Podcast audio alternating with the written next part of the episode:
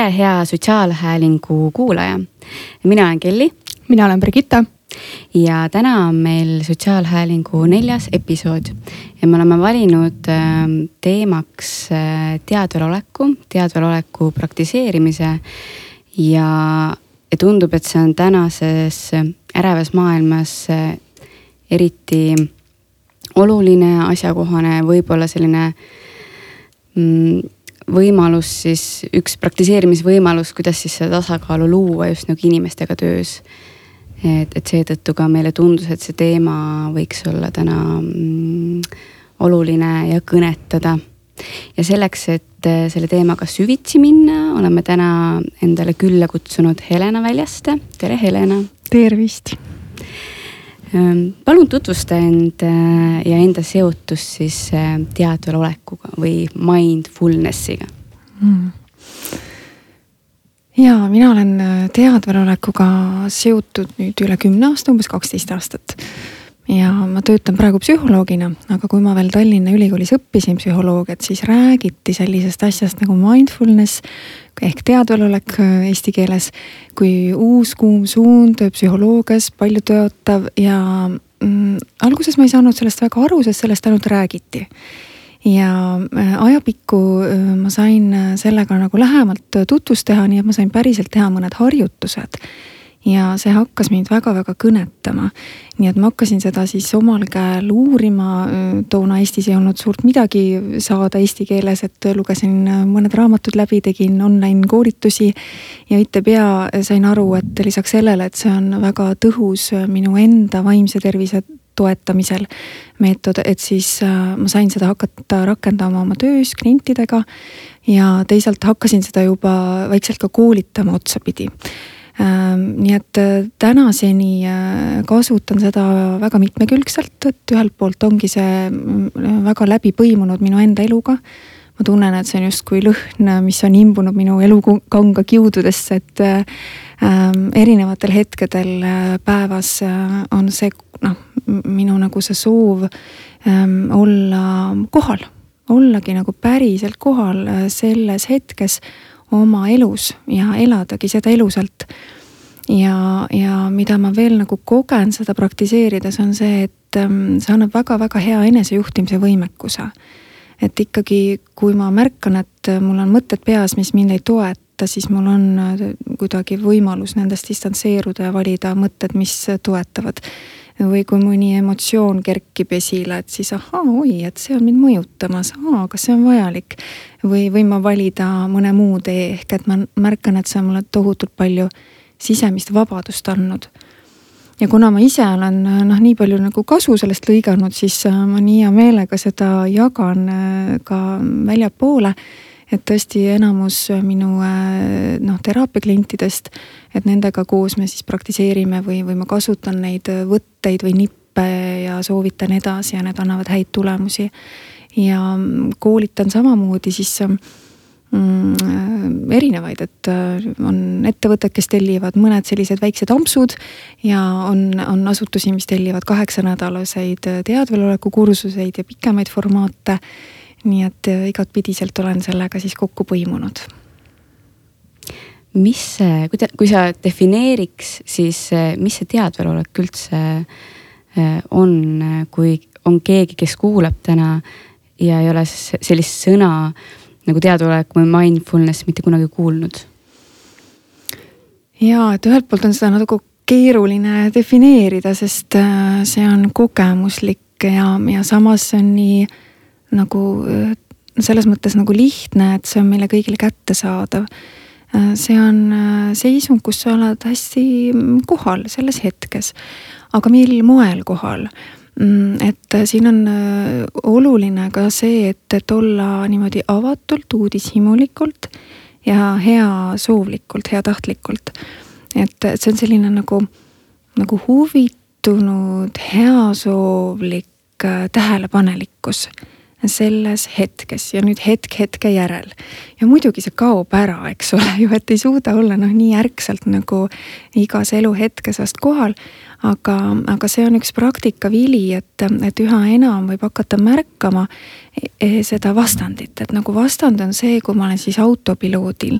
kui ma teen midagi täiesti harjumuspäraselt, võib-olla sõidan autoga, ma isegi ei tea täpselt, kuidas ma teen, mida ma teen, kuidas ma kuhugile välja jõuan või äh, kõnnin kuidagi tee peal ja samal ajal mõtlen oma mõtteid ja siis jälle avastan tups, et kuidas ma jõudsin siia.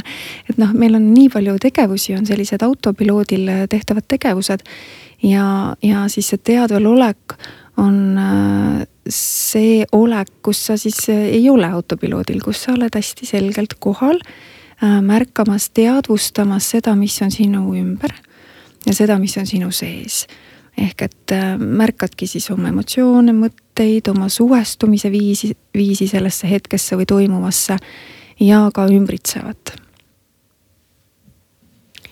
kui me mõtleme teadvel olekule kui sellisele praktikale, siis kust see üldse alguse sai või kust see tuleb meile? nii, et see, need juured ilmselt noh, me ju kõik teame, et kõikides vanades traditsioonides on olnud au sees selline enda sisse vaatamine aga võib-olla kõige-kõige kaugemale on jõutud selles vallas ähm, äh, äh, budismis ja samuti ka joogid, kes tõesti sügatasandil joogat harrastasid. ja, ja nad uurisid oma meelt ja meelesügavust ja, ja kõike seda ja sageli veetsid aastaid võib-olla meditatsioonis ja kuskil erakluses selleks. aga saavutasid ka väga erilisi kogemusi ja, ja, ja seisundeid ja, ja ka nende olemise viis, suhestumise viis maailmaga täielikult muutus. aga see oli väga kättesaamatu tavainimesele ja äh, seal kuuekümnendatel üha rohkem äh, toodi sellist ähm, nagu teadmist ja kogemust ka läänemaailma, Ameerikasse. Äh, mitmed ähm, siinsed äh, inimesed hakkasid seda õppima, praktiseerima, õpetama. Ja võib öelda, et üks murranguline hetk oli tõesti see, kui aastal tuhat üheksasada seitsekümmend üheksa härra nimega John Kabat-Zinn tuli sellisele taipamisele, et, äh, et kuidas tuua no need kasud inimesteni, et, et just selliste meeleharjutuste kasud, eh, mida ta oli omal nahal kogenud, mida oli näha kaaslaste peal. ja kuna ta too hetk töötas Massachusettsi ülikooli juures ja, ja seal oli siis olid valupatsiendid, sellised, kellele medikamendid tõesti abi ei andnud ja ta otsustas, et, et katsetab, et pakub sellist kaheksanädalast kursust neile, kus iga nädal saadi kaheks pooleks tunniks kokku äh, tehti erinevaid selliseid äh, teadveloleku harjutusi ja seal oli grupi jagamist. ja samas äh, oli ka soovitus siis iseseisvalt prakti-, praktiseerida kõiki neid harjutusi siis vahepealsel ajal niimoodi kaheksa nädala vältel ja kuna need tulemused olid tõesti noh, väga, väga palju tõotavad, et need, need inimesed, kes pididki elama oma kroonilise valuga, ütlesid, ühed ütlesid, et valu on andnud järele, et need on reaalselt parem olla, eks, valu mõttes. ja teised ütlesid, et valu on siin, aga ma suhestun sellega hoopis teisel moel, et äh, ma olen õppinud sellega elama, ma olen õppinud aktsepteerima, ma enam ei sõdi selle vastu. ja mul on psühholoogiliselt palju lihtsam ja kergem ja need tulemused olid äh, olulised ja mida kindlasti John Kabat-Zinn väga õigesti tegi, oli see, et kohe lülitus teadus sinna juurde, et hakati uurima, et no mis mõjud need on, äh, kuidas see toimib ja sealt edasi, ähm, kuna, kuna see praktika ja teadus käis käsikäes, siis oma kümmekond aastat hiljem Mark Williams ja tema kolleegid siis Inglismaalt äh, kohandasid seda kaheksanädalast programmi nõnda, et see oli rohkem seotud kognitiivse psühholoogiaga ja, ja nad suunasid seda siis äh, depressiooni raviks äh, patsientidele.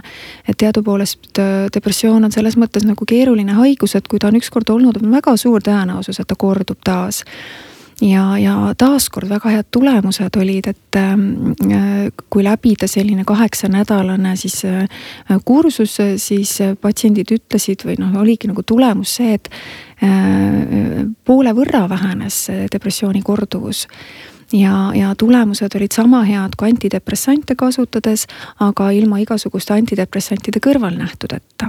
ehk et ja, ja kui me mõtleme ka antidepressantide peale, no imelised ravimid, mis võivad inimesi väga aidata, aga nad ei ju, ei võta ju juurpõhjust sageli välja.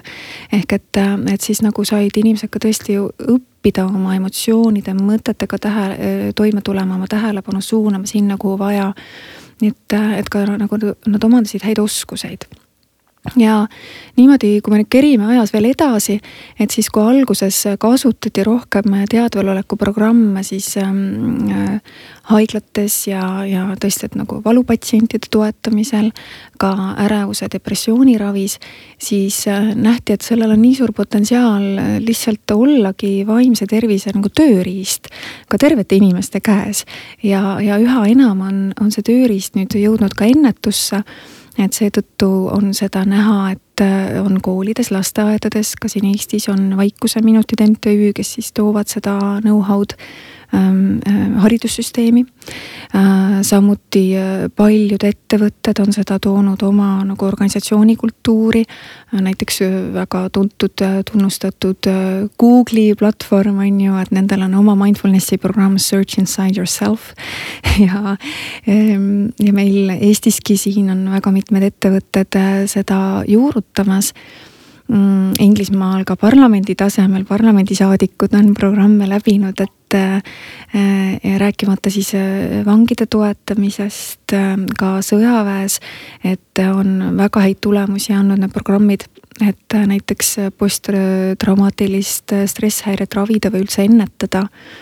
Nii et see teadus on tõesti noh, nagu kinnitanud, et, et see tõesti töötab ja, ja noh, mis on tänapäeval ju oluline, on ka see, et see tööriist, mida me kasutame, ta peab olema tõhus, ta peab olema kiiresti kasutatav, küllaltki lihtne äh,. aega ja raha säästev ja põhimõtteliselt seda kõike see teadvelolek ongi, et, et see ei pea võtma nagu üüratult palju aega, aga tulemused võivad tulla nädala-kahe-kolmega juba just, et sa ütlesid ka, et need äh, kaks programmi, see valupatsientidega, depressiooniga inimestega, programmid olid kaheksa nädalat ja tegelikult ju nii lühikese ajaga väga suur mõju juba. Jah, äh, jah, ja kaheksanädalased programmid on need, mida on nagu kõige-kõige rohkem ka teaduses uuritud et kui nagu teadusest ka rääkida, siis aastal tuhat üheksasada kuuskümmend kuus ilmus üldse esimene artikkel teadveloleku teemal. võrdlusena siis äh, kahe tuhande kahekümnendal aastal oli kaks tuhat kaheksasada kaheksa artiklit ehk et tohutu suures tõusujoones on. ja tänaseks päevaks siis ütleme, kui on viiskümmend viis aastat seda nagu uuritud, on äh, umbes seal seitse tuhat äh, tõesti publitseeritud sellist teadusartiklit, et mis äh, viitavad äh, väga selgelt äh, nagu sellistele positiivsetele mõjudele. fakt on see, et teadveloleku praktiseerimine on tõenduspõhine. et, et see praktika on tõestatud ja see toimib, aitab, ma arvan, et see on, see on hästi oluline, sest mulle tundub, et meil endiselt kuidagi nii ähm, kas me siis räägime meditatsioonist või mingitest eh, just ka budistlikest suundadest, et mitte, et me peaksime seda, aga noh, kuskilt see on tulnud, nagu sa ka kirjeldasid. et siis, eh, siis seal on ikkagi justkui nagu mingi eelarvamus, et, eh, et kas siis arvatakse, et see ei toimi, aga kui meil on reaalselt teadusuuringud, mis ütlevad, et see on, toimib. inimesed on ähm, tänu sellele praktikale oma elu muutnud, siis, äh, siis on minu arust suurepärane, et kindlasti ka üks väga äh, suur ähm, võtmesõna või oluline võtmesõna on siin ka järjepidevus, eks ju. et mina, ma võib-olla saan oma kogemust äh, jagada, et, et et äh, ma ka töökoha kaudu siis äh, oli võimalus läbida seda vaikuse minek, minutite koolitust, siis teadvaleku kursust. Äh, oli ka vist kaheksa nädalat, eks ju, täpselt enam, see oli umbes aasta tagasi. ja, ja noh, tõesti see järjepidevus on ülioluline samas ka olles varasemalt ähm, osalenud meditatsioonikursusel äh,, siis, siis ma nagu selle teadvaleku kursuse kursusel osalemisel nagu tajusin seda, et see oli kuidagi palju praktilisem, mul oli seda kuidagi nagu palju lihtsam läbida, meil oli ka muidugi äh, selline grupp, kes oli kogu aeg sama, et see oli see grupi dünaamika, muidugi see oli äh, ju Zoom'is, nii et see oli hoopis kuidagi nagu teistmoodi jällegi. ja, ja ma ka, kui ma tegin neid harjutusi, kuidagi tajusin, et äh, et, et noh, ma mäletan seda üks, üht, üht, üks esimene harjutus oli see rosina vaatamine, eks ju, et. et kuidagi nii teistmoodi, isegi kui sa oled sellega nagu varem kokku puutunud, siis see kuidagi läheb nii kiiresti meelest ära, et, et, et selliste nagu harjutuste läbi tegemine on niivõrd oluline ja ikkagi sa kuidagi nagu vaatad seda rosinat ja, ja tõesti uudishimuga.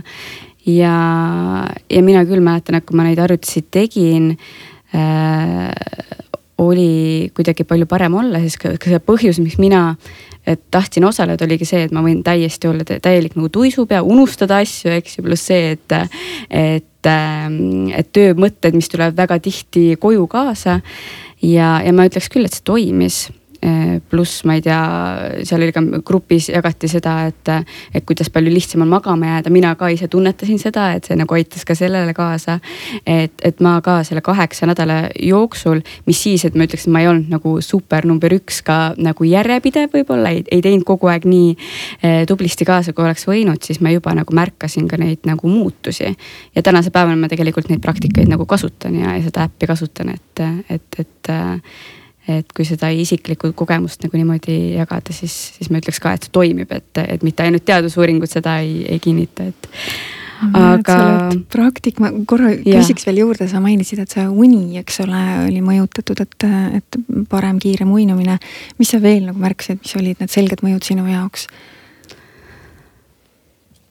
ma arvangi selline nagu hetkes olemine rohkem või tajumine, et et, et selliste pisikeste asjade märkamine.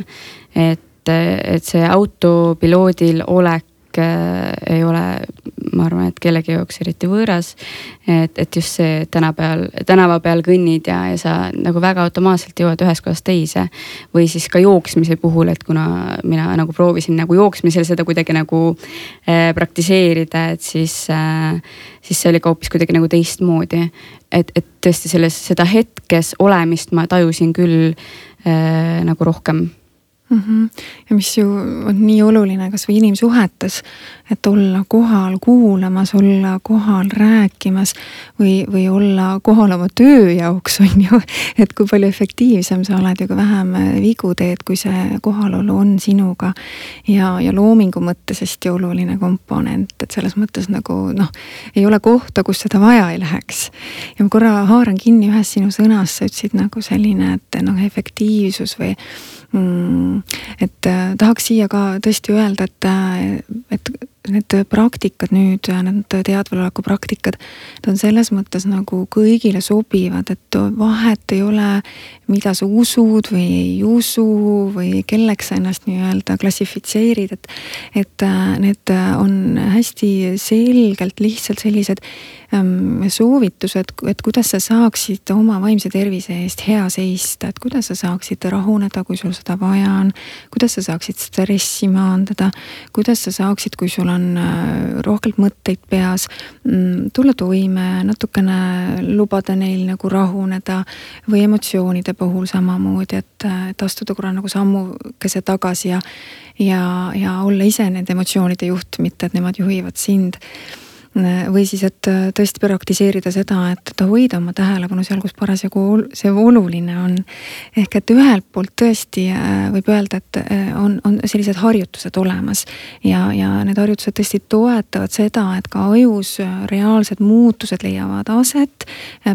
praktiseerimise tulemusel võibki näha, et teatud oskused on kinnistunud, seda näitavad ajupildid ja samas needsamad oskused, need ei ole selle eesmärgiga, et olla hea harjutaja. et see on see eesmärk, et ma tahan need oma ellu võtta, ma tahan olla parem inimene, ma tahan elada oma elu õnnelikumalt, stressivabamalt. ja, ja kõiki neid elemente saab tegelikult kasutada niimoodi jooksvalt, et, et sul ei lähe nagu ekstra eriti aegagi selle jaoks. et selles mõttes see on üks, üks oluline asi, sest mina olen küll olnud seda no kuna mind ennast hästi paelub just vaimse tervise probleemide ennetamine, et siis äh, ma mõnikord äh, loen nagu ajalehte, mõtlen, et huvitav. et kui räägitakse, et, et noh, et kui, kui sul on paha tuju või midagi, et või, või kui sul on rohkem stressi, mida sa tee. et noh, et käi jooksmas, käi jalutamas, suhtle inimestega, söö tervislikult, maga see on kõik väga-väga õige.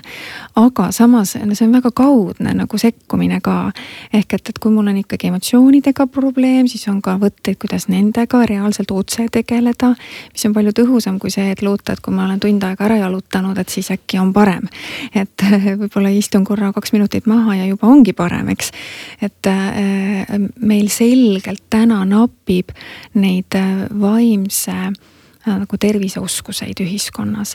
ja seda näitavad kõik need kriisid nüüd ka, et äh, meil oli see Covid kriis pikalt, nüüd on see sõda maailmas käimas ja no inimeste stressitase on ülimalt kõrge, ärevust on tohutult palju. niigi meil oli hästi palju depressiooni, ärevust siin ühiskonnas, aga nüüd on nagu nii paljud inimesed, kes ütlevad, et no tõesti hull on, et ei saa magada äh,. ülierutuvus on tekkinud ja, ja kõik muud probleemid ja, ja see viitab sellele, et äh, absoluutselt äh, meie, meie noh, keskkond ongi stressirohke, me ei saagi kunagi endal luua sellist keskkonda, mis ei ole stressirohke, sest elu koosnebki erinevatest sellistest tagasilöökidest ja õppetundidest. Aga me saame endas arendada oskusi, et kuidas selle kõigega siis toime tulla. kuidas olla see säilenõtke inimene, on ju, et, et kui midagi juhtub, et ma oskan sellele vastata ja ma oskan ka kiiresti toibuda tagasilöökidest ja vot need oskused on tegelikult treenitavad, et see on nagu sihuke vaimne jõusaal. et kui me oleme harjunud oma hambaid pesema iga päev hommikul ja õhtul, nagu kummaline on, kui ma seda ei tee. et siis äh, minu silmis see, see minu visioon meie tulevikule ongi see, et ka sellised vaimse tervise oskused, selline nagu ütleme, vaimse tervise hügieen on sama au sees nagu hambapesu. ja sama normaalne, et ah, et ma iga päev natukene panustan sinna ja just iga päev natukene, mitte et ma võtan ükskord ja teen nüüd nagu päev otsa on ju.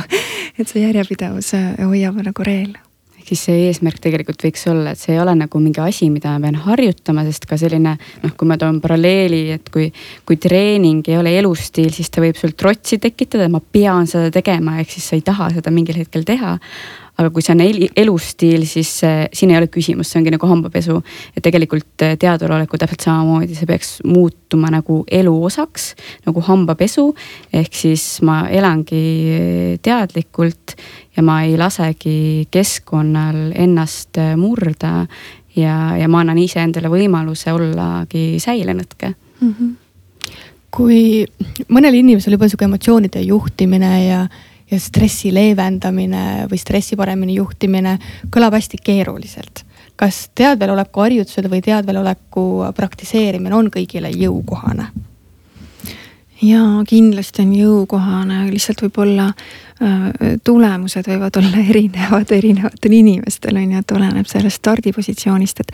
et inimestel on nagu juba mm, teatud selline teadveloleku tase kõigil olemas, et seda on isegi võimalik siis mõõta, mõõteriista abil, et. et, et kui teadvel siis inimene nagu on ja, ja näiteks kui tehagi kursuse alguses ja lõpus mõju-uuring on ju, siis on näha, et mis on vahepeal muutunud. ja mõned inimesed juba ongi jõus rohkem nagu äh, kuidagi oma kasvatuse ja elustiili tõttu nagu rohkem, rohkem kohal, rohkem sellises äh, teadlikus seisundis ja teised võib-olla rohkem selle autopiloodi peal. ja, ja need, kes äh, on juba nagu seal positsioonil, nendel ilmselt need äh, tulemused tulevad ka kiiremalt.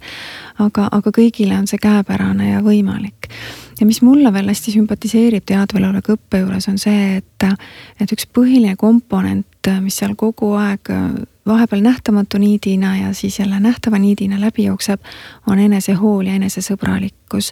Ehk et äh, kui, kui võib-olla märkadki, et tulemused ei tule nii kiiresti, nagu sa oled oodanud või soovinud või sa ei vasta oma standarditele. et siis meil on nii lihtne hakata ennast kritiseerima ja nüpeldama aga selle asemel on võimalik olla hoopiski endale toeks ja, ja olla mõistev ja toetav enda suhtes nagu, nagu sõbra suhtes, et aa, et noh, asi ei lähegi päris nii, nagu ma olen oodanud, aga, aga kõik on okei okay,, ma annan oma parima, et eh, see on minu meelest üks suurepärane oskus, mis ka paralleelselt eh, tuleb eh, praktika kaudu ellu, enda eest hoolitseda ja olla enda vastu sõbralik. Ja ma ka mäletan sealt ähm, sealt koolituselt või kursuselt siis, et, et üks teema, millest me rääkisime, on see, et noh, et kunas ma siis saan aru, et ma olen tulemuslik või et ma teen seda asja õigesti, et meil on hästi palju seda äh, soovi äh, teha asju õigesti ja hirmu teha asju valesti. siis ma väga hästi mäletan, et sa tõid välja just seda, et ähm, et ka juba see, kui sa, et eesmärk ei ole omaette see, et oma pea mõtetest tühjaks saada. vaid märgata neid mõtteid, mis su peast läbi jooksevad.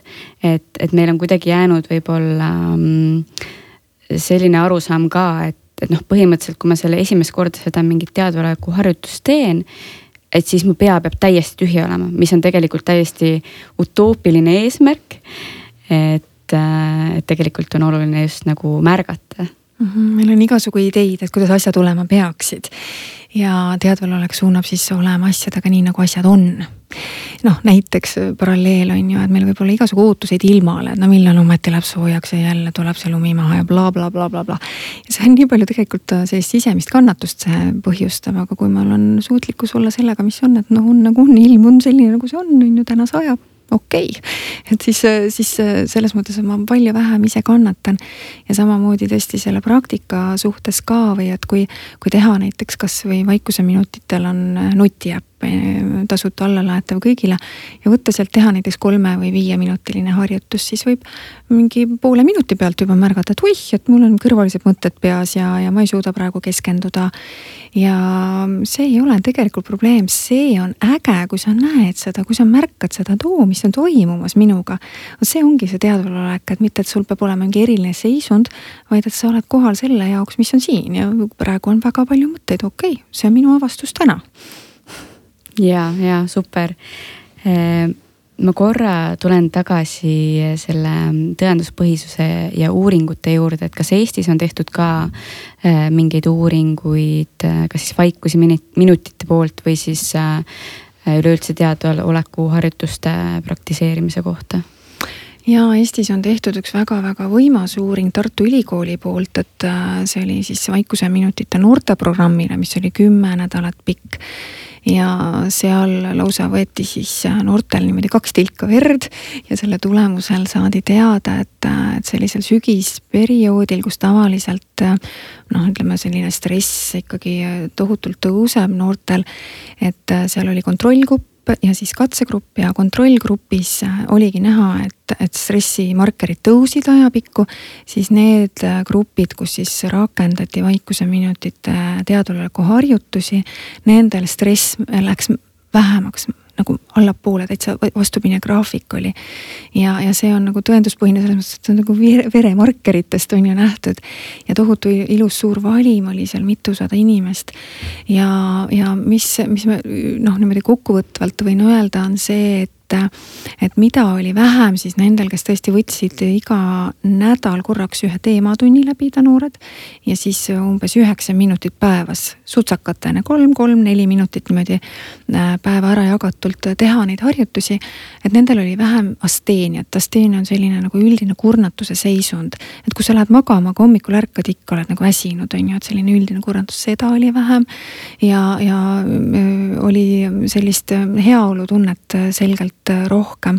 ja mida rohkem nagu oli praktiseeritud, et kui seal oli juba niimoodi üksteist minutit päevas niimoodi praktikat natuke rohkem, siis äh, selgelt äh, oli ka vähem sellist ärevuse ja, ja depressiooni sümptomaatikat ja õpetajatele samamoodi mõjus väga hästi, et õpetajad olid äh, vähem nagu selles mõttes nagu kriitilised enda vigade suhtes, rohkem enesesõbralikud, toetavamad ja. Ja, ja seal oli teisigi nagu märkimisväärseid tulemusi selles uuringus ja teine asi, mis mulle meenub, on sama, mis me tegime Sotsiaalministeeriumis, tegime ka äh,, olime seal gruppidega, tegime mõju-uuringut äh,, mis tõi välja, et, et osalejatel tõesti see teadvaloleku nagu tase tõusis, et, et reaalselt see mõjus, see kursus, eks. vähem oli tööstressi ja mm, no vot nüüd äh, ei tulegi see uuring nii täpselt kõik, kõik, kõik sealt meelde, et mis, mis seal veel oli. nii et Eestis äh, me teeme äh, selles vallas uurimusi, on palju magistritöid, on bakalaureusetöid ja no maailmas on neid uurimusi väga palju ja mis on need põhilised tulemused maailma uurimustest, on siis see, et tõesti depressiooni, ärevust jääb vähemaks, stressireaktsiooni jääb vähemaks heaolu tõuseb, rõõmu, õnnelikkust kogevad inimesed rohkem. lisaks sellele on ka mõju tervisele ehk et äh, meie immuunsüsteem äh, on toetatud selle kaudu. siin on selliseid huvitavaid äh, nüansse veel, et kui vaadata aju, et siis meil on selline aju nagu ohuradar mille nimi on mandelkeha. see siis tegeleb sellega, et kas siis võidelda, põgeneda või tarduda, et ta nagu annab selle käskluse. et ta rahustab seda mandelkeha maha ja ühtlasi, äh, mida äh, on võimalik, on see, et et me oleme nagu rohkem lõõgastunud olekus ja me oleme emotsionaalse kaaperdamise vastu immuunsemad. see tähendab siis seda, et meie siis prefrontaalne korteks, siin otsmikusagar e, ja, ja mandelkeha, et nende ühendus, omavaheline ühendus on tugevam. ehk et meil läheb katussõit harvem jah, et oleme selles mõttes emotsioone arukamalt reguleer-, reguleerimas ja eh, me saame toibuda kiiremini tagasilöökidest. ja mis on veel võib-olla huvitavam, äh, on see, et äh, selline, kui vaadata nagu põletiku mm, tekkimise eest vastutavad sellised molekulid nagu põletiku tsütokiinid. et siis nende hulk ka väheneb praktiseerimise tulemusel. ehk et siin on kahtepidist tulemust, et on sellist, mis on reaalselt nagu meelerahu hüvanguks. ja teine on ka, et kuna keha ja meel on seotud, siis kuna seda stressi noh, nagu stressi kogus väheneb ja on, on rohkem sellist lõõgastumist ja rahunemist ja heaolu, et siis sellel on ka oma efekt selgelt meie füüsilisele tervisele. isegi öeldakse, et need inimesed, kellel on nagu selline suur järjepidev pikaaegne praktika, et nende ajud on nooremad et, et selles mõttes on see nagu hea, hea mõelda, et igapäevane väike panus oma vaimsesse tervisesse, et aja, või hoiabki aju noorena. kõlab väga veenvalt igal juhul. kui sa mõtled äh, kümme aastat tagasi seda aega, kus sa avastasid enda jaoks teadveloleku ja sa võrdled tänast päeva, kui palju on teadveloleku praktika üldse Eestis kanda kinnitanud? Oi, ikka väga palju, et äh, siis, kui mina alustasin, siis mul oli tükk tegu, et seda üldse seletada, et mis asi see on, millega ma tegelen ja, ja mis asi see teadvelolek on ja miks see vajalik võiks olla. mäletan, ma kirjutasin artikleid ja, ja, ja esinesin ja tegin erinevaid äh, selliseid äh, kursuseid ja nii ja noh, ikka natukene selline tunne on, et ma nagu noh, pean midagi sellist äh, olen nagu majakas nagu või et, et üksinda siin või mõned tegid veel neid asju Eestis, aga, aga kuidagi, et, et üldsus nagu väga ei, ei mõistnud. no nüüd on see minu meelest ka kulutulena ikkagi siin Eestis levinud, et et kui ma ka küsin mõnes grupis, et, et kes on kuulnud sellisest asjast nagu mindfulness midagi, siis enamuste käed tõusevad. küsin, kes on proovinud midagi katsetanud, midagi teinud ka selles vallas, siis ka vähemasti pooltel käed tõusevad. ehk et, et see on niivõrd äh, palju nüüd juba kajastust saanud. ja, ja kuna paljud-paljud inimesed on tõesti ka seda omal nahal kogeda saanud, kas siis kursustel või väikeste harjutuste kaudu. et, et siis see oma kogemus on see kinnitus, et aa, et see, see mul on tõesti, ma tegin harjutuse, mul on parem olla. et, et siis see kuidagi noh, sa ei pea uskuma sellesse, sa tead, et see mõjub, eks. et usul ja teadmisel on vahe. usk, uskuda sa võid pimesi, tead selle kogemuse kaudu. Nii et see, see on tore, et see on tõesti muutunud ja, ja kindlasti ka huvi selle vastu on tõesti tõusnud. Et äh, noh, mina isiklikult olen siin koostööd teinud ja koolitanud siin ministeeriumeid ja erinevaid riigiasutusi, äh, äriettevõtteid, koole, mm, meedikuid, arste, et äh, noh, erinevatesse, erinevatesse gruppidesse on see jõudnud. Aga mis sa näed, mis see ideaal oleks, et kas on veel arenguruumi ja kuidas sa nagu, kas, kas see teadvaloleku võiks olla selline asi, mis oleks nagu noh, iga inimese nagu ähm, tööriistakastis, need oskused? Või, või kas sa oled nagu mõelnud selle peale, et kui natukene unistada, et mis see nagu ideaal oleks, et kuhu see nagu teadvalolek äh, jõuab siis meie ühiskonnas oo oh jaa, mina olen küll unistaja tüüp ja, ja ma kuidagi tegutsen ka selle nimel, et neid unistusi täita. ja noh, minu kuidagi vaates äh, see mm, teadvaloleku kursus, see kaheksanädalane. et see on küll midagi sellist, et nagu A-joo, mis tegelikult võiks olla kõikide inimeste nagu kogemuse pagasis küll olemas, et ta on nii terviklik vaade inimesele, kuidas erinevates situatsioonides siis toime tulla ja, ja ma ei näe siin üldse piiranguid, et see võiks vabalt levida ja, ja ma näen, et nii palju ähm, kannatusi saaks selle kaudu tegelikult äh, leevendada ja ennetada, just ennetada probleemide tekkimist äh, samuti ma näen, et äh, kuhu me selgelt noh, saame veel areneda, on see, et meedikutele me oleme mitmeid kursuseid teinud ja nad on väga-väga kiitnud ja rahul olnud. et, ähm, et siin on tohutu tööpõld veel ees kuhu väga tahaks areneda ja äh, on, on ka vanglasüsteem, et kinnipeetavatele taoliseid oskuseid õpetada. kindlasti ka sisekaitses, et, äh, et välismaalt on palju, äh, palju selliseid häid kogemusi, kuidas posttraumaatilist stresshäiret siis, eks ole, on võimalik ravida ja, ja ennetada ja, ja sõjaväelastele anda ka sellist head nagu vaimset tuge et äh, tööpõld on lai ja ilmselt ka näiteks vanemluse programmides ka, et kuidas siis äh, olla nagu vanemana sellisem rahulikum ja tasakaalukam, sest need lapsed suudavad nii hästi nendele nuppudele vajutada. ja, ja teha siin koostööd on ju oma, oma kaasaga ja et äh, tõesti mm, kuidagi mina kuidagi näen, et, et see võiks olla hästi kuidagi tavapärane, nagu ma ka enne tõin välja, et see hambapesu paralleel, et et meil on need teadmised ja oskused äh, iseennast monitoorida, iseennast äh, tasakaalu taas tagasi tuua, iseendaga tegeleda, enda sisse vaadata. sest tänapäevane elu suunab meie pilgu meist väljapoole nii lihtne on jõllitada ekraani, käia mööda tänavaid ja vaadata reklaame ja, ja kõike muud. ja kuramuse keeruline on teinekord pöörata see pilk sissepoole, see võib lausa tundmatu ja kummaline tunduda alguses. aga see on nii vajalik, et inimene tunne ennast, on ju, et see on nii-nii tähtis ja kui meie pilk on pidevalt väljapoole suunatud, siis on nii raske ennast ju juhtida, kuidas ma juhin, kui juhti pole kodus.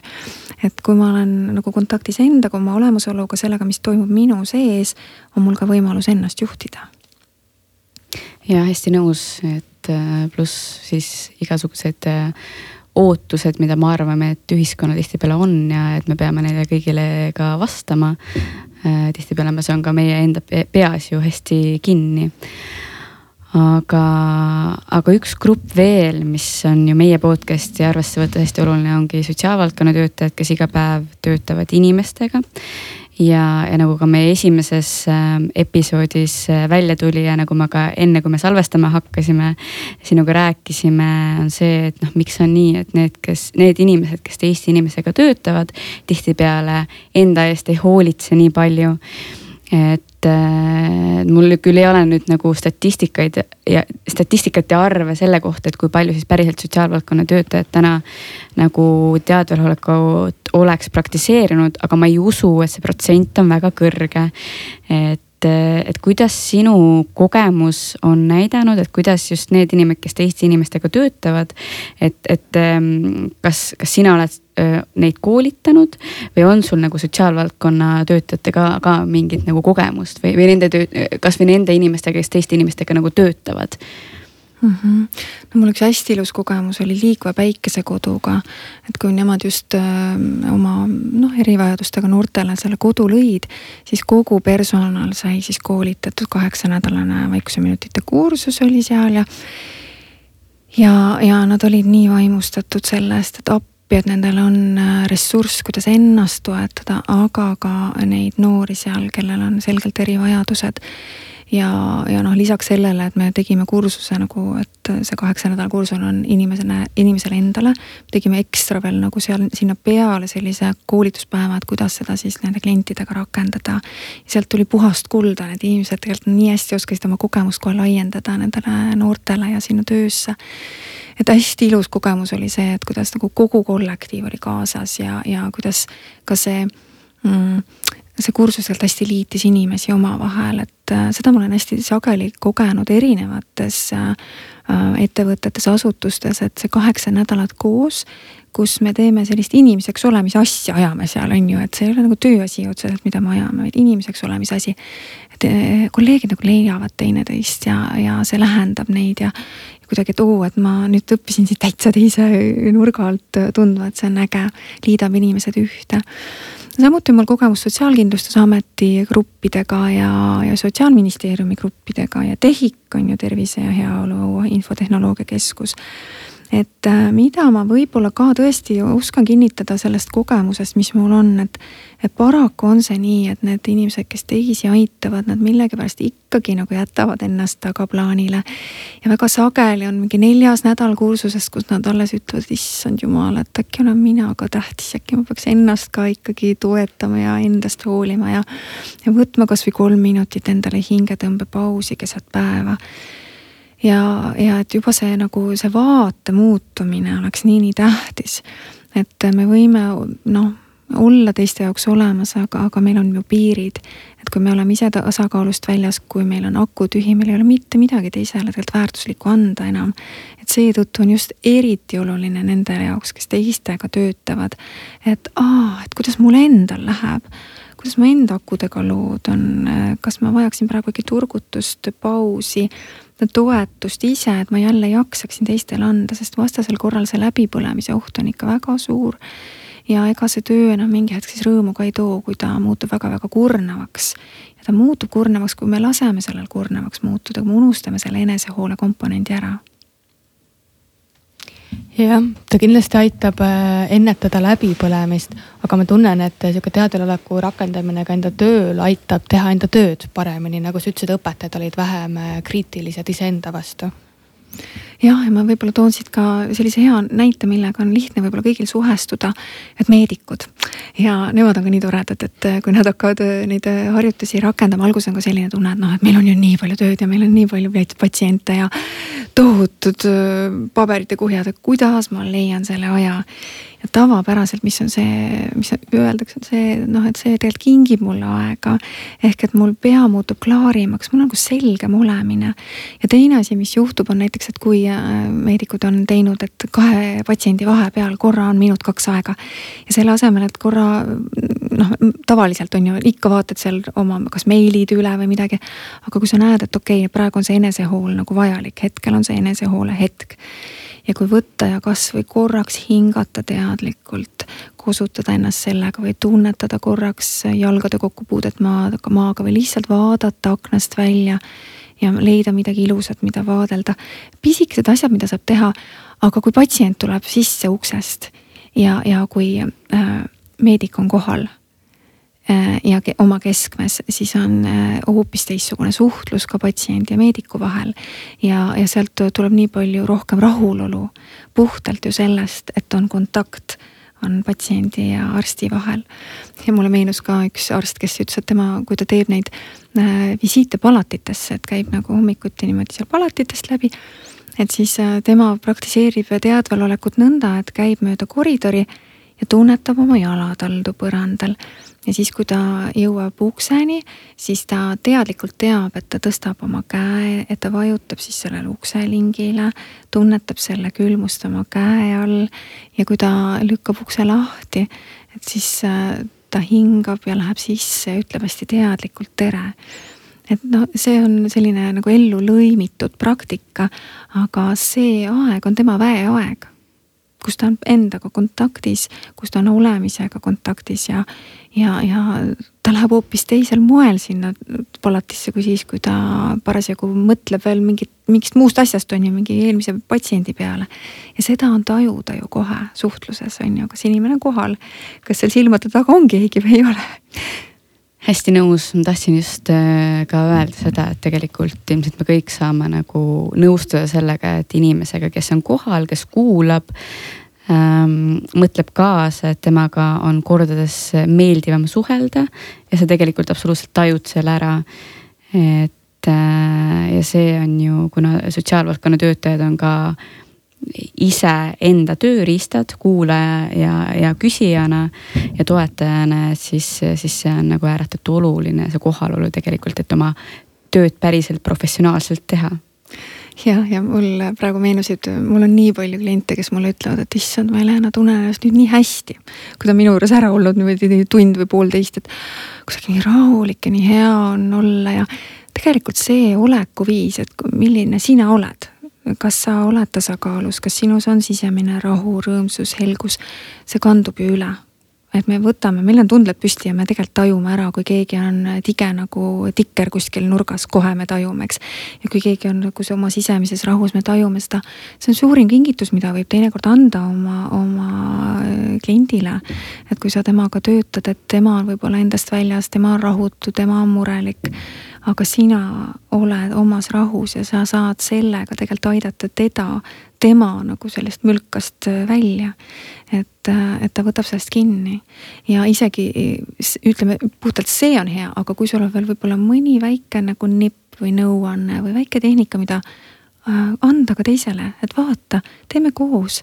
kui see sind toetas, võib-olla tahad seda mõnikord ise teha, siis on ju suurepärane ja seda, seda ma tahtsin just, tahtsin sinna jõuda ka, et, et üks asi on see, et ise praktiseerida, aga kuidas siis oma ähm, nii-öelda oma nagu klientidele siis õpetada või, või aidata, anda neid nagu nippe, et nad ka saaks osa sellest nagu teadvalolekust?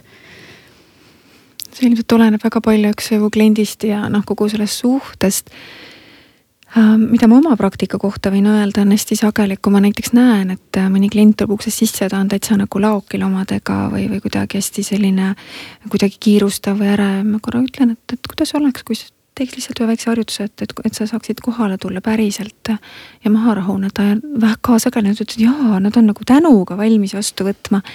ja me teeme võib-olla kolmeminutilise harjutuse ja ma näen, et ta on kohal ja ta on rahunenud ja me saame alustada tööga ja, ja see on väga hea starter selles mõttes, eks. et, et mina nagu saan seda julgelt kasutada ja pakkuda oma klientidele või, või noh, kui, kui tulebki äh, näiteks äh, jutuks ja, ja saame teada, milles see nagu iva on, milles see probleem on, millega inimene maadleb.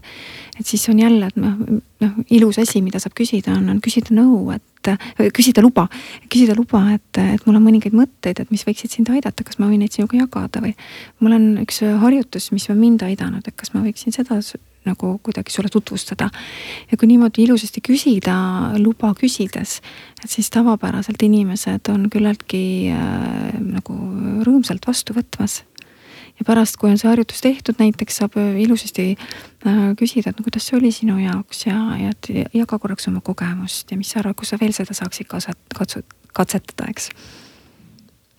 kas on ka mingid sellised kliendi kas kliendirühmad või, või sellised äh, ametikohad võib-olla, kus sotsiaaltöötajad või inimestega töötavad inimesed peaksid eriti enda klientidele tutvustama teadvalolekut, kohalolekut?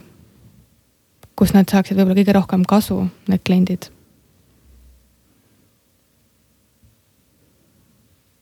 või aitab teadvaloleku harjutused kõiki alati? no see on selline hea küsimus, mis paneb mind kohe mõtlema, et mm, no päris ausalt öeldes see, kes ise praktiseerib ja teab selle mõju, see on kõige efektiivsem seda edasi andma ükskõik kellele.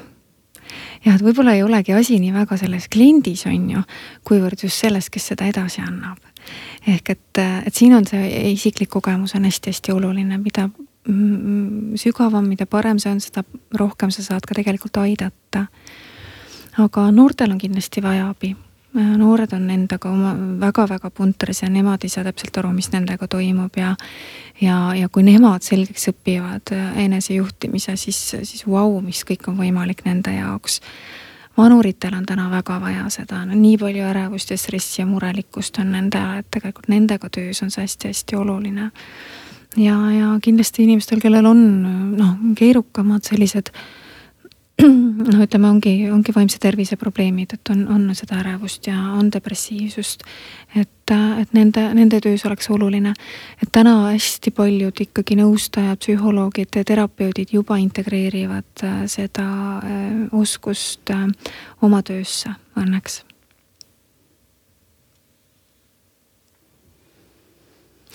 jah, ja sotsiaaltöötajad samamoodi, eks, et et, et seda, see ikkagi juba levib. kas äh, päris väikeste lastega lasteaias on ka võimalik seda nii-öelda harjutada, kui sa rääkisid just ennetusest, et ennetus on sinu jaoks oluline. siis ma just mõtlen, et äkki see on selline ideaal, et tegelikult alustadagi maast ja madalast. oo oh jaa, see on nii tore. näiteks minul on kaks last, neljane ja kuuene ja nende rühmades tehakse vaikuseminutite harjutusi ja nemad teevadki kaks-kolm minutit ja natukene nad jälgivad oma hingamist, näiteks panevad karu kõhu peale ja tunnevad, kuidas karu liigub, teevad nendele väikest sellist sõitu seal kõhu peal ja. ja mõnikord nad kuulevad helisid, et äh, kõik, mida nad kuulevad rühmaruumist ja, ja väljastpoolt ja nii armsasti mõnikord õpetajad paluvad, et et, et mõni laps, et ole hea, sina juhenda nüüd harjutust. et äh, selliseid toredaid asju on. või siis on tänulikkuse harjutus on, äh, kus saab oma päeva pihku püüda niimoodi viis toredat asja meenutada, mis on toredat täna olnud ja tunda seda tänutunnet sealt, et. et pisikesi väikseid selliseid äh, tegemisi ja, ja miks õpetajad seda kasutavad, ongi see, et nad näevad, et lastel on seda vaja. Aga nendel endal on ka vaja, nendel on vaja natuke sihukest rahulikumat võib-olla hetke, et saaks uinuda hästi lapsed või, või hommikuringis, et kui ongi juttu sellest, et kuidas äh, olla siis noh, oma emotsioonide peremees ja neid juhtida. et siis reaalselt teha ka mõni harjutus, et näha, kuidas see aitab rahuneda ja et nad on hästi praktilised võtted ja, ja minu meelest lasteaiaõpetajad on väga-väga nagu kuidagi tänulikud nende harjutuste eest sealt saaks see muutus ka nagu järjest rohkem nagu tulla tegelikult, eks ju, et kui meil on äh, lapsed, kes päriselt juba noh, kes oma emotsioone, eks ju, valdavad, eks ju, muidugi on oluline siin ka see vanemate aspekt, eks ju, mis sa ka enne välja tõid, et. et vanemad tegelikult on väga-väga oluline mm, sihtrühm jah, ja eks me noh, lapsed nagu väga hästi ikka neid emotsioone ei valda, aga vähemasti mm -hmm. noh, sest see aju areneb, on ju nii kaua. aga nad õpivad, et oo oh,, et on asju, mida ma saan iseenda rahustamiseks teha. et, et see on nii oluline ja näiteks koolides samamoodi, et õpetajad mõnikord siis või noh, väga paljud õpetajad kasutavad siis ka vaikuseminutite harjutusi. näiteks koolitunni alguses nad näevad, et need lapsed tulevad, on ju sinna klassiruumi sisse, on võib-olla ärevad või kuidagi seal selles Mm, vahetunni kuidagi sellises elevuses veel, on võimatu hakata kohe õppetööle keskenduma, et okei okay,, teeme väikse harjutuse, häälestame ennast. et äh, on üks pilt selline, kus on peal viiul ja all on kirjas häälestus kujundab loo et samamoodi, eks, et kui ma teen väikese harjutuse, ma häälestan ennast, oo, et see lugu on hoopis teine, mis kõlama hakkab. ja noh, ongi, et on, on igati e eeldatav, et kui noor või laps on kokku puutunud mõne sellise võttega, et ja tal on hea kogemus, et ta võtab seda oma elus rakendada või kui ta isegi ei võta seda, siis tulevikus, kui mingi keeruline hetk on, see tuleb talle meelde et aa ah, okei okay,, et äh, ma nüüd võtan ja hingan mõned korrad sügavalt sisse ja välja ja see mõju noh, on, on vägagi tõenäoline, et, äh, et see toetab ja tegelikult see on ülimalt lihtne, et see võib-olla see natukene see lihtsus sealjuures äh, võib skeptiliseks muuta, aga see on tõesti lihtne, see on lihtsalt sina ise. ja, ja see oskus ei ole midagi nagu noh, see ei ole midagi nii keerulist, mida sa peaksid tõesti nagu kuude kaupa harjutama, et minu arust see on seesama, et lihtsuses peitub võlu mm. -hmm, just, et see ei ole sihuke kosmoseteadus. just. ja samas üks võib-olla keerukamaid asju selle juures ongi see, et kuidas olla järjepidev ja kuidas see jälle meelde tuleks, et jälle seda teha ja jälle seda teha ja jälle seda teha hästi nõus, isegi peaks äh, olema järjepidevam jällegi. Et, äh, et mistõttu tänane osa on ka hästi hea meeldetuletus või värskendus ka iseendale, et isegi kui sa oled selle nagu kursuse läbinud. et siis eh, noh, tõesti, see on ju lõppkokkuvõttes hetk iseendale ja, ja, ja läbi selle saab tegelikult olla lihtsalt parem inimene, parem kaaslane ja parem töötaja jaa kui keegi meil kuulab ja ta varem ei ole võib-olla nii palju kuulnud teadvele oleku kohta ja ta tahaks õppida sellest rohkem, saada konkreetseid harjutusi, lugeda täpsemalt, kuidas, mida, millal teha. me oleme rääkinud siin vaikuse minutitest, kust veel võiksid inimesed lisainfot leida? jah, et eesti keeles ongi vaikuseminutid.ee, kus on infot ja äh, harjutusi saada ja Vaikuseminutite nutiäpp samuti minu kodulehekülg meelerahu.ee ja seal on erinevad harjutused ja, ja viited. et need on sellised võib-olla kaks suurt ressurssi, inglisekeelses äh, keeleruumis on äh, hulka rohkem muidugi.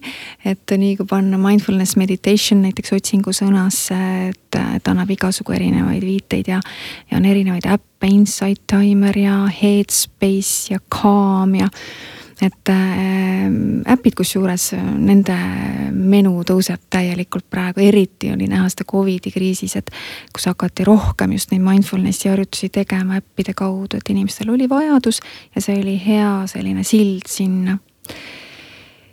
ja, ja häid raamatuid on kindlasti ka eesti keeles äh, olemas, et, et kui on huvi, on üks raamat on ärksuse raamat näiteks, mm, siis on Ähm, selline raamat nagu See raamat muudab sind äh, teadlikuks siis minu üks lemmikuid on Enesekaastunne, Kristin Neffi oma. siis on ka mm, sellise mediteerimise teaduse kohta on raamatuid olemas. et äh, oleneb, kes, kes mida soovib, et, äh, et kirjandust on palju.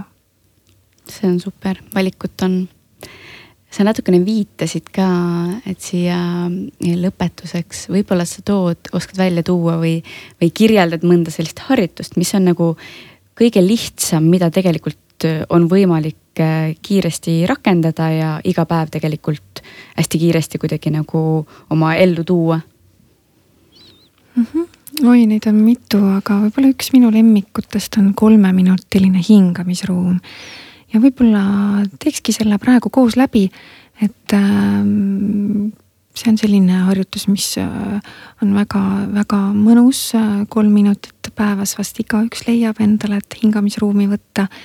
ja, ja ta tõesti äh, on hea efektiga. ja võib-olla praegu, kui sa saadki selle harjutuse ajaks äh, korraks võttagi aeg endale ja kui sa kas kõnnid või seisad, et see on ka täitsa okei okay,, aga kui sa saad, võid tulla mõnusasti istuma. ja leia endale selline asend, kus sa saad ennast tõesti mõnusasti toetada, et sul on tugevalt näiteks jalad allad põrandas. kui sa oled istumas, siis istmik ja reied äh, toolil. et sa saad tõesti lubada endalt toetuda, olla toetatud selle pinna poolt, selle maapinna poolt ja võib-olla soovid sa vaadata sellisel pehmel pilgul enda ette või, või kui võimalik, võid ka silmad sulgeda.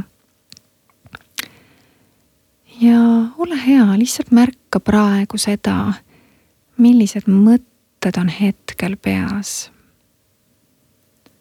kui neid üldse on, siis mille ümber need sul tiirlevad. lihtsalt pane tähele hinnanguid andmata oma mõttetegevust praegu.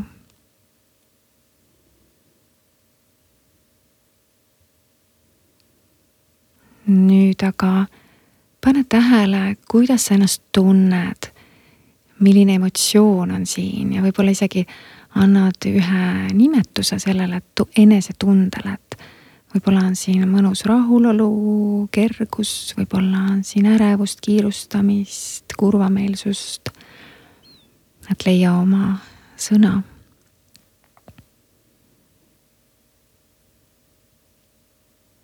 ja nüüd pane oma keha tähele.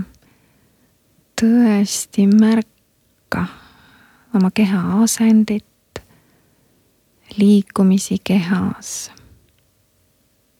võib-olla märkad temperatuuri aistinguid, kokkupuutepunkte, riideid vastu nahka. Pannes tähele, kuidas su kehal praegu läheb.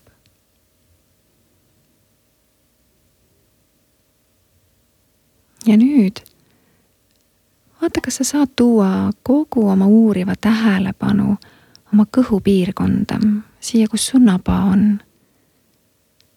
ja tõesti, tõesti häälestudes siia märgata, kas sa märkad, et su kõht õrnalt paisub ja lameneb, kui sa hingad sisse ja välja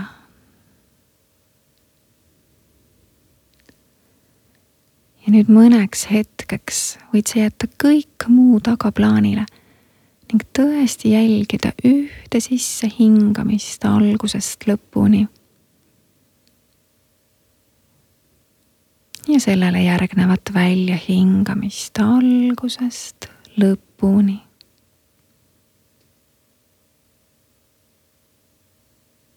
Kergelt, mõnuga hingates sisse, hingates välja.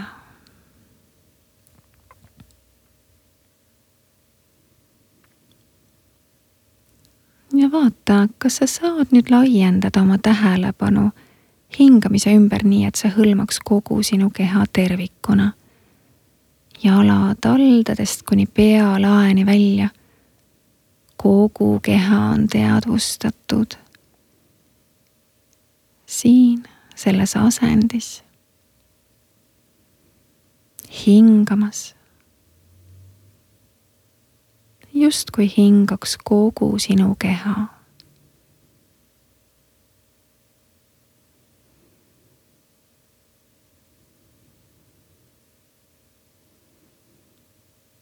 Olles jätkuvalt heas kontaktis oma hingava kehaga võid sa ka kuulda helisid enda ümber.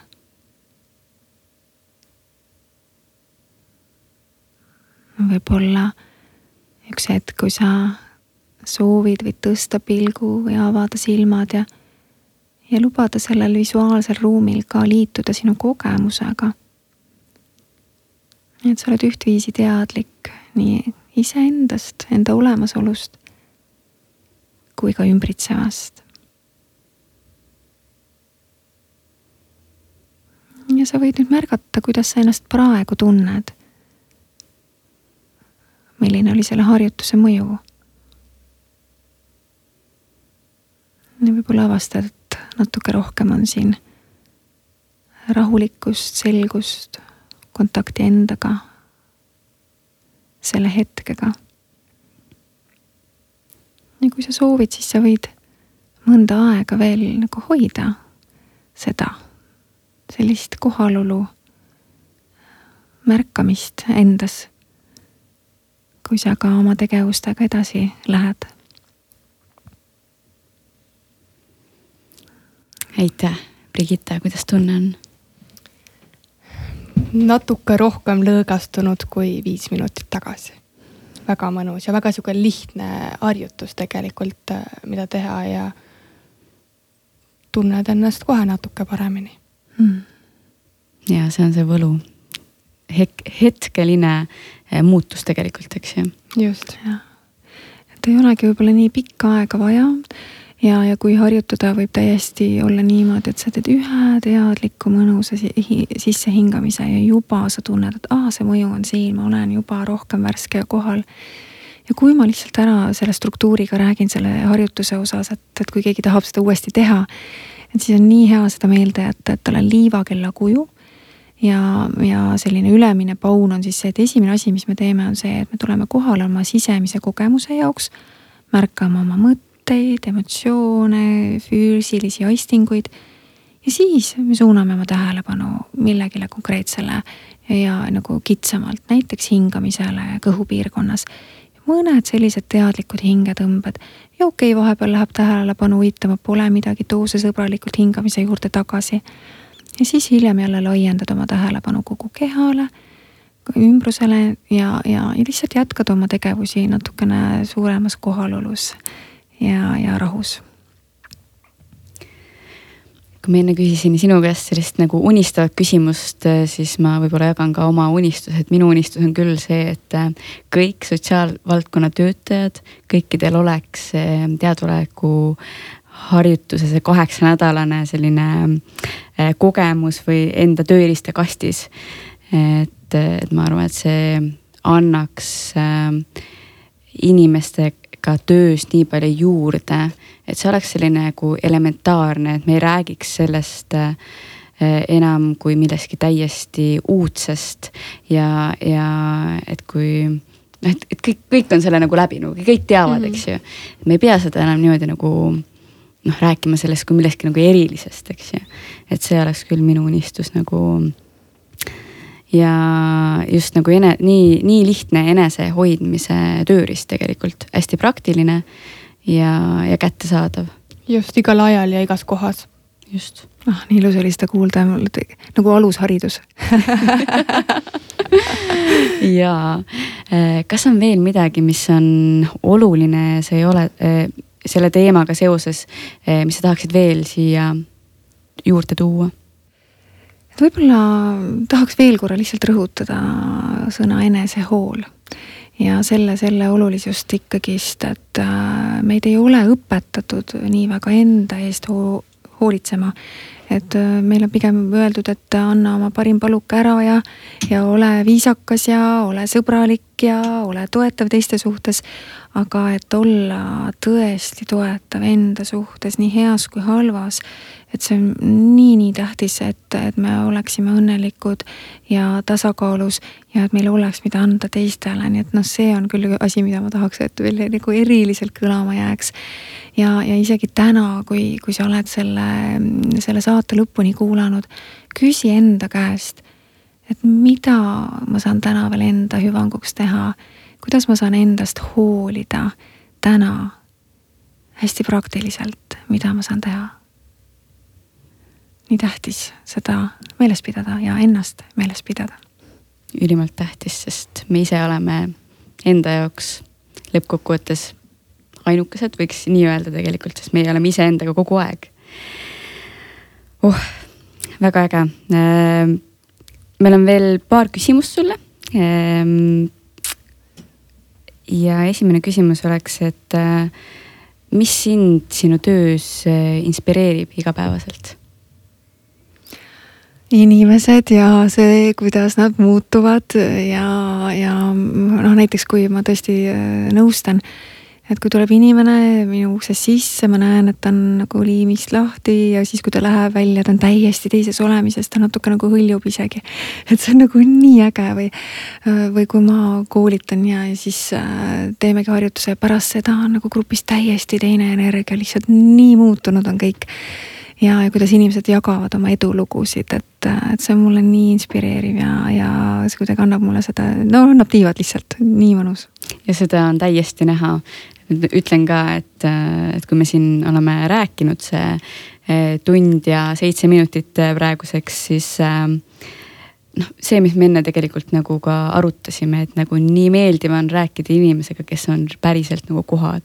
ja sa tajud seda, seda on nagu nii hästi näha, et see energia ja kõik on nagu suurepärane Äh, sa tõid ka enne tegelikult juba mingeid raamatusoovitusi, aga nüüd teadvalolekuga seoses. Äh, kui sa saaksid öelda sellise ühe raamatu, mis on selline must have, mis sa soovit-, soovitaksid? kust võiks alustada?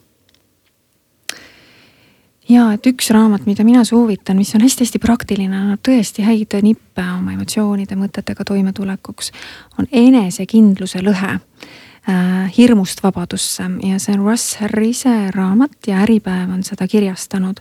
Need on tõesti väga mõnusaid äh, soovitusi ja see ei ole ainult äh, nagu enesekindluse teema põhine, aga, aga üleüldse laiemalt kasutatav, et üks tõeline pärl, mida lugeda.